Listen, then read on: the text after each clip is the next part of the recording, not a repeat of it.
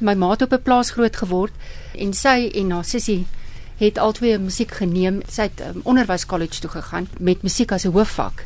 Ek onthou hoe sy vir ons klavier gespeel het toe ons klein was. En toe het ons vier kinders nou kon ons elkeen ons eie instrument kies, maar twee. Jy moes klavier gevat het want dit gee vir jou 'n goeie basis. So daai daai was nie 'n onderhandelbaar. Nee, dis nie onderhandelbaar mm. gewees nie. So jy het begin met klavier. Ek het viool gekies want my maatjie het viool gespeel. En my jonger boetie was nou weer die een wat alles gedoen het. Hy het toe nou uiteindelik begin sang neem by Sari Lambregt in die uh, wêreld jeugkoor gesing vir 2 jaar wow. en nou speel hy trompet soos jy kan dit nie glo nie in die Randburg Sinfonie Orkees en dan het ons Sondag um, het ons saam musiek gemaak want my ma klavier gespeel en dan het ons elkeen nou ons instrument gehad wat ons gespeel het. En jou pa? My pa het dit altyd opgeneem. Hy het altyd gesê ek speel die fool. maar dit baie geniet en hy kon op gehoor speel. Darien, maar jy het hierdie ding van jou ma, wil mens amper sê geërf. Ja. En jy het dit toe net so onbeskaamd eintlik deurgegee aan jou twee dogters. Hulle sit hier saam met ons, Karen en Martleen en hulle hare is pers vir die vakansie gemaak. ja. So dit was vir jou ook 'n onderhandelbare ding. Jy of was dit maar 'n natuurlike ding Weet jy? Ek dink tog op 'n manier is 'n natuurlike ding want ek ek sien dit nou by my broers en by my suster ook. Al hulle kinders het ook jy begin bietjie leer met klavier en so daar's 'n klavier in die huis. Ek haal my viool uit en dan wil die kinders ook op hom speel en stryk.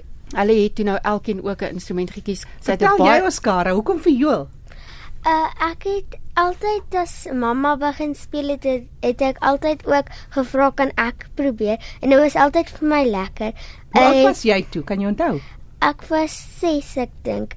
En toe het mamma gesê ek mag 'n groter instrument kies want ek wou nie meer blokfluit vat nie. Toe besluit ek ek wil vir viool vat. Vir jou is dit seker 'n kompliment dat sy toe nou vir viool kies. Ja, dit is 'n kompliment. Ek dink ek is 'n bietjie kwaai met haar. Kwaaier as wat ek is met Marlene met haar instrument want ek ken dit beter. Ja, sy kom goed reg met die viool. en Marlene, wat was jou eerste uh, wat jy onthou? Hoe oud was jy? Nee, ek kan nie reg onthou nie. Ek weet altyd as um, mamma by die kerk gespeel het met die ensemble, moes ek altyd saam omdat ek klein was en Kara was nog nie daar nie en pappa het ook altyd saam gegaan. En dan het ek altyd gesit en kyk en ek het daar ook altyd aan die slaap geraak en ek moes by elke oefening wees. Dit het maar van kleins af so gekom. Hmm.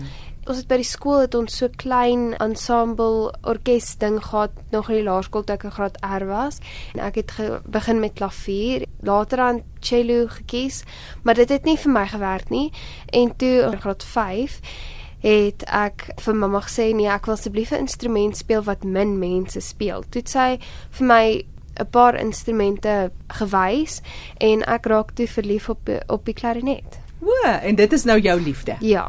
Jy laat hulle voel dis hulle keuse, maar eintlik is dit nie regtig hulle keuse nie. Ja, maar interessante ding, ek ek het dit gesien, dit was baie mooi die cello en sy wou verskriklik graag dit speel, maar sy het verskriklik gesukkel.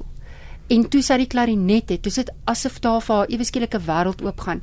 En dit het haar klarinetjuffrou, wat ook 'n ongelooflike vrou is, het sy vir my gesê, "Marlene is gemaak vir die klarinet. Hulle is soos een. Haar mond, alles werk net reg uit vir die klarinet.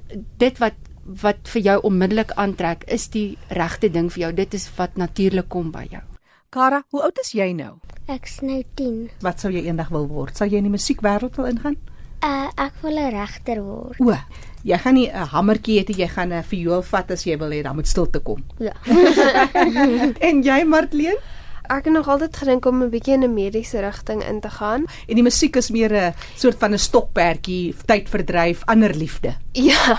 Weet jy, dis 'n interessante ding wat ek sien dit nou met die res van ons familie met die ensemble waarvan Martina praat wat ek het by die kerk. Ons kom so 4 keer 'n jaar by die kerk vir my vra, "Wil jy nie asseblief 'n ensemble bymekaar sit nie?" Nou, ensemble is eintlik 'n klein groepie mense. Die ensemble Hoeveel, van as jy praat van klein. Man, dit enigiets van 5 tot 10 mense. Die ensemble van my het nou gegroei. Ons was met ons kersangdiens in 2017 was ons nou 53 mense op die verhoog. En van daai 53 mense het my ma toe sê sy 11 van hulle is my familie. En wat lekker is daarvan is dat jy het jou werk deur die dag en dan in die aand het jy eintlik hierdie liefde wat jy nog al die jare het en wat vir jou half stimuleer wat jy dan kan oefen en dan oor naweke kan jy speel en so. Dit maak dit nogal spesiaal. Ek onthou ek het op 'n stadium vir 'n oomie les gegee wat 72 jaar oud was.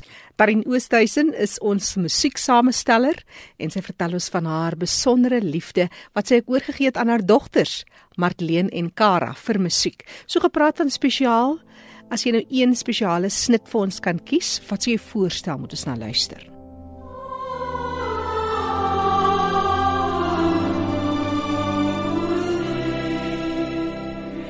Dit is 'n werk uit um, die mis vir die gewapende man van Carl Jenkins omdat dit 'n groot orkes is en 'n groot koor is wat bymekaar kom en sy gebed vir vrede wat hy nog altyd wou gehad het um, 'n um, opdragwerk wat hy gedoen het en um, ek speel graag vir ons die Anjus Day uit die mis van die gewapende man van Carl Jenkins.